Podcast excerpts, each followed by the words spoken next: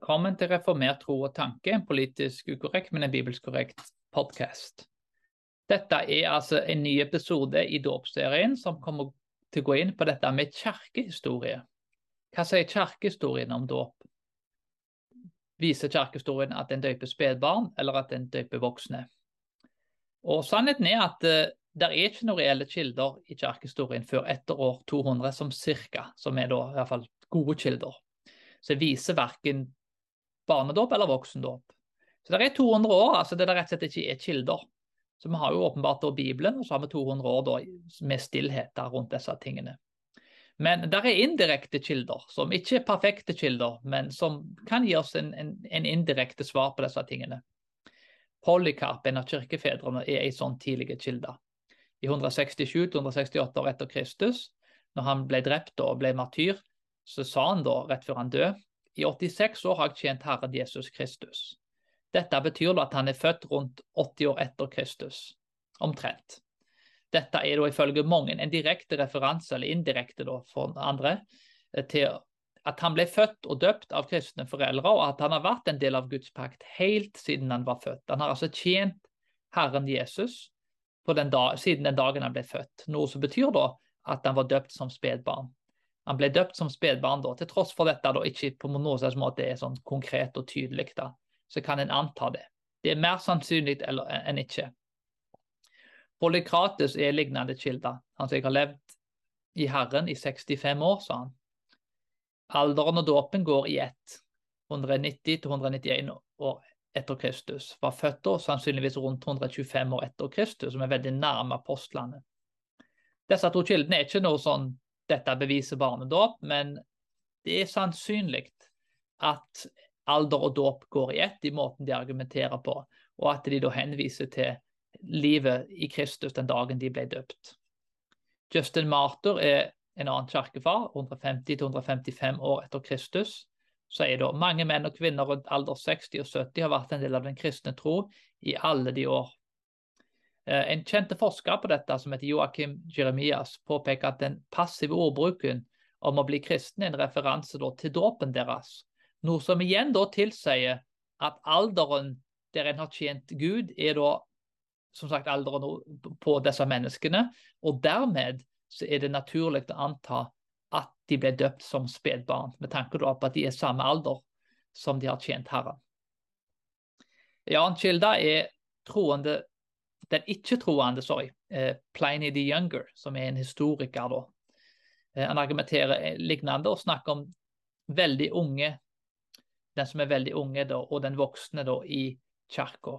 I lys av dette så må en anta at de kristne visste forskjell på alderen på en person generelt, og en person da som hadde vært kristen i kristne hjem ville det vært vanlig å se på seg selv som kristen etter en ble døpt. Den jødisk-kristne kulturen i mye større grad tror jeg forsto dette mye bedre enn vi gjør. Og I den dag i dag, i muslimske kulturer f.eks., det er når du er døpt, det er da du er blitt kristen. Så de har faktisk en bedre forståelse av dåp enn vi har. Vi har mista disse ritualene og forstår det ikke så godt som vi gjorde før. Men det er noe med dette at alderen en har tjent Gud, går tilbake til selve dåpen. Dette er altså igjen ikke et perfekt argument, men det er mer sannsynlig enn ikke sannsynlig at en da ble døpt som spedbarn. At Polikarp da bl.a. ble døpt som spedbarn.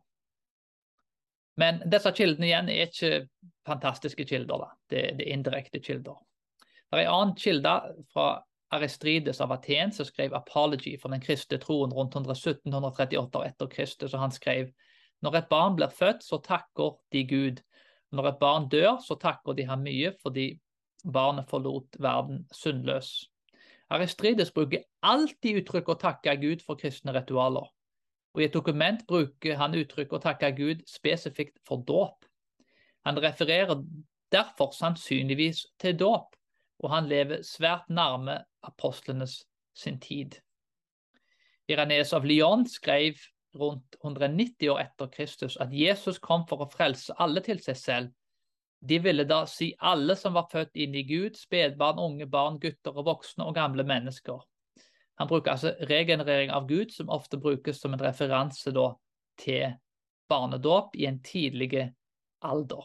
Så det er altså en språkbruk her som tilsier at spedbarnsdåp da er det som er normen. Ireneus var en disippel av Polikarp, og Polikarp var en disippel av Johannes, som er evangelisten Johannes. Så dette var nesten rett ifra kilden, da. Og informasjonen ville vært overlevert ganske nærme apostlene sin tid. Disse argumentene som sagt, er ikke vanntette argumenter, og det må en erkjenne. Men jeg syns iallfall en kan si at det er mer sannsynlig at dette argumenterer for spedbarnsdåp eller for voksendåp. Men vi har andre beviser for det tredje og det fjerde århundret. altså Etter år 200 da, så begynner det å komme flere beviser. Origen, en store kirkefar som var født i år 185 år etter Kristus i Alexandria, en av de store kirkefedrene, en av de mest lærde kirkefedrene. Han skrev i år rundt 233 til 251 etter Kristus at barnedåp var den universelle praksisen til kirken helt fra apostlene sin tid. Dette er utrolig viktig, og dette er faktisk en veldig god kilde som òg tror jeg de fleste baptister innrømmer. Origen var født i en familie som hadde vært kristen i flere generasjoner. Han er født i 185 år etter Kristus, og betyr da at hans bestefar tar oss helt tilbake tidlig i det andre århundret. Origen hadde òg en enormt stor kunnskap om praksisen i Romerriket. Han besøkte veldig mange kirker, og var en forholdsvis på den tid en bereiste mann. Så han visste hva som foregikk. Og han sier at dette er den universelle praksisen. Og igjen, han er en utrolig lærde mann. En av de mest lærde sikkert av kirkefedrene. Sikkert en av de smarteste. Så han uh, var en, en, utrolig dyktig eh, fyr. Og han uh, legger det fram her at det er nærmest en selvfølge at uh, dette det barnedåp var den universelle praksisen. En annen kilde er Hippolytus, som var en eldste i Roma, lagde en guidebok for praksis i kirken som kaltes da The Apostolic Tradition, apostolske tradisjonen. Han samla info om kirkas tradisjon og praksis som apostolsk støtte. Rundt 215 etter Kristus gjorde han dette, og informasjonen han var samla, var sannsynligvis enda eldre enn det. Han bekreftet at spedbarnsdåp hadde apostolsk opphav, og var den eneste praksisen i kirka på sin tid. Tertullien var en eldste i kirka i Cartridge og skrev on baptism rundt år 200. Og han var faktisk den eneste klare kilden i fall, som skriver imot barnedåp. Men årsaken til dette var annerledes enn folk tror. Det var ikke pga. skrift og tradisjon, men praktiske grunner. Han mente faktisk at barnedåp var faktisk praksisen. Så han var faktisk ikke Han var jo da, han argumenterte jo imot det til en viss grad. Men han mente at om et barn ble døpt, så ble ansvaret på foreldrene og gudfaren og, og mor, gudmor for stort. Om de døde, så kunne de ikke fullføre sitt ansvar. Han var ikke imot barnedåp av kristne foreldre, men han var imot barnedåp for de som kom fra hedenskap, så de som var hedninger tidligere. Han mente at ansvaret ble for stort. Så argumentasjonen til Tertullian er ikke det at han er imot barnedåp. Han er imot barnedåp av hedninger, fordi han mener at ansvaret blir for stort å opptrer de som kristent. Turtulliens disippel Cyprian et halvt århundre etterpå møtte 67 biskoper i en synode i Cartridge og stilte spørsmål om dåp skulle administreres på den åttende dagen som omskjærelsen. De stemte imot dette og ville ha dåpen på den tredje dagen i plassen. Så Det var ikke uvanlig at noen ville utsette dåpen til senere. Men uh, i dette tilfellet da, så ser vi klart og tydelig at det er altså disippelen faktisk til Tertullian da, eh, faktisk bekrefter at, og i tillegg til alle disse biskopene, bekrefter at barnedåp er praksisen. Og det er altså 67 biskoper som virkelig en, eh, vil jeg si, er, er, ganske god kilde. Eh, igjen, det var ikke uvanlig etter hvert da, utover historien at mange mente at dåpen tilga synd. Vi vet Keiser Konstantin venta med å døpe seg rett før han døde, for han ville forsikre seg om at uh, dåpen tok vekk alle syndene hans. At han ikke synda masse da, i etterkant i livet sitt. Og Det er dårlig med kilder som viser at dette var normal tankegang da, før år 30-30 ca. etter Kristus. Men til tross var det noen som holdt til de synene. Eh, Joakim Jeremias påpeker at rundt år 365 så var det mange skrevne kilder som viser at barnedåp var den universelle dåpen til kirka.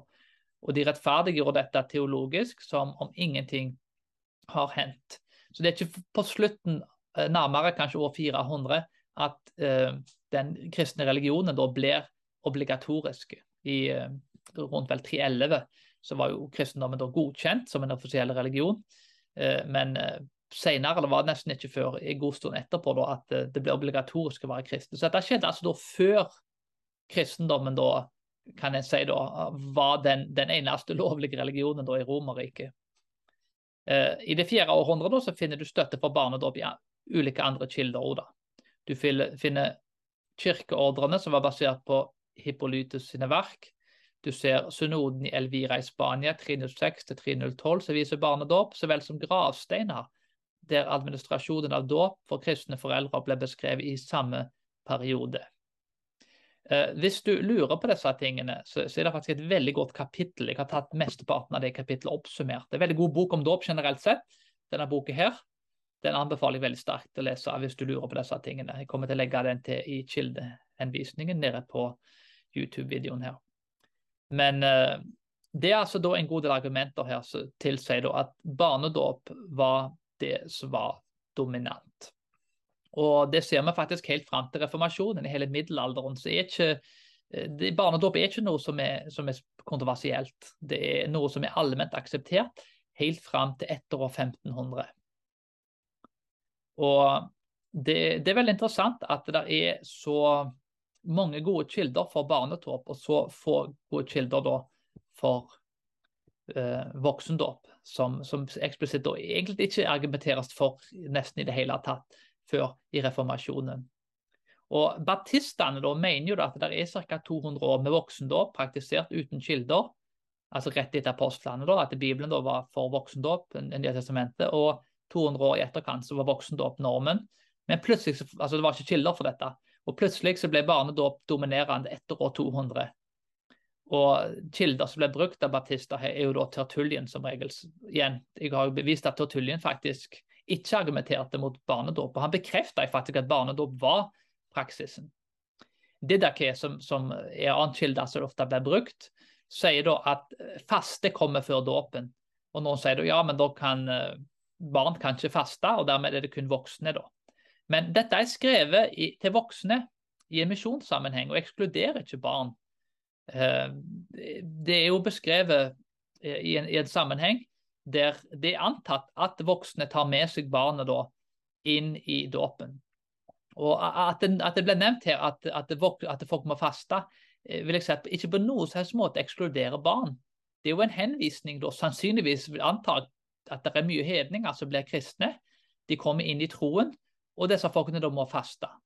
Eh, det ekskluderer ikke barn på noen som helst måte, bare fordi barn ikke blir nevnt. Aristride snakker om omvendelse, at du må omvende deg da for å bli døpt. Og igjen, et barn da sier en kan ikke omvende seg, og det er sant nok. Eh, men det at jeg skriver og forteller at voksne må omvende seg før de døpes, betyr da at ikke at barn ikke skal døpes. Valgene som et barn tar, blir tatt på vegne av foreldrene, i alle fall fram til de er ti år gamle, om ikke enda lenger. Så at uh, dette ble nevnt, ekskluderer ikke noe annet. Hvis jeg sier da at uh, alle folk innenfor den gruppa kan komme inn i rommet, uh, så betyr ikke det at folk fra andre grupper som jeg ikke beskriver, ikke kan komme inn i rommet. Det betyr bare at, at de kan komme inn. Kanskje jeg er i en sammenheng der den gruppa da føler seg ekskludert, og jeg må kanskje gi dem en ekstra invitasjon for å komme inn i rommet. Fordi de føler ikke at de kan komme uten at jeg sier det. Kanskje deres kulturelle bakgrunn er at de er mer beskjedne, mens andre grupper kommer inn i rommet uten at de trenger å si det til dem. Så, så, det er mange, mange grunner, til det, grunner, til at ting ikke blir nevnt, og det ekskluderer ikke eh, barn av den grunn. Og Når en da i tillegg ser på kirkehistorien utenom dette, her, så ser en det som Samuel Miller skrev i 1834 i Infant Baptism Scriptural and Reasonable, at før Anabaptist i rundt 1522, så er det ingen i den kristne verden som avviste dåp av spedbarn. Det vil da si fordi spedbarnsdåp i seg selv var galt. Det var Tertullien, da, men det var andre grunner til at han avviste det. Så, og, og, og, det vil oppleve jeg er veldig sant. Altså I 1500 år er det, de, de, diskuterte omtrent alt i middelalderen. Det var masse debatter, masse, masse diskusjoner, masse råd. Hvorfor er det ingen kjettere ingen folk som går imot dette før. I en så lang tidsperiode. Hvorfor er det ikke munker og nonner og flere andre da, som argumenterer da for voksendåp? Og hvorfor er ikke dette et problem i kirkehistorien før individualismen kommer inn på 1500-tallet, der folk i mye større grad ser på seg selv som et individ. Mitt svar på det spørsmålet da, er at barnedåp er den historiske praksisen til kirka. Det er òg den historiske praksisen til de store reformatorene helt frem til 1500-1600-tallet. Så Alle de store teologene i reformasjonen, eh, som da iallfall de som er reformerte, og, og iallfall etter hvert presbyterianere, eh, stort sett da, i begynnelsen, da, ifra, iallfall år 1500, hvis du tenker på Luther, du tenker på, på Calvin, eh, Thomas Cranmore, altså den anglikanske reformerte og lutherske, så var det store greinene av reformasjonen.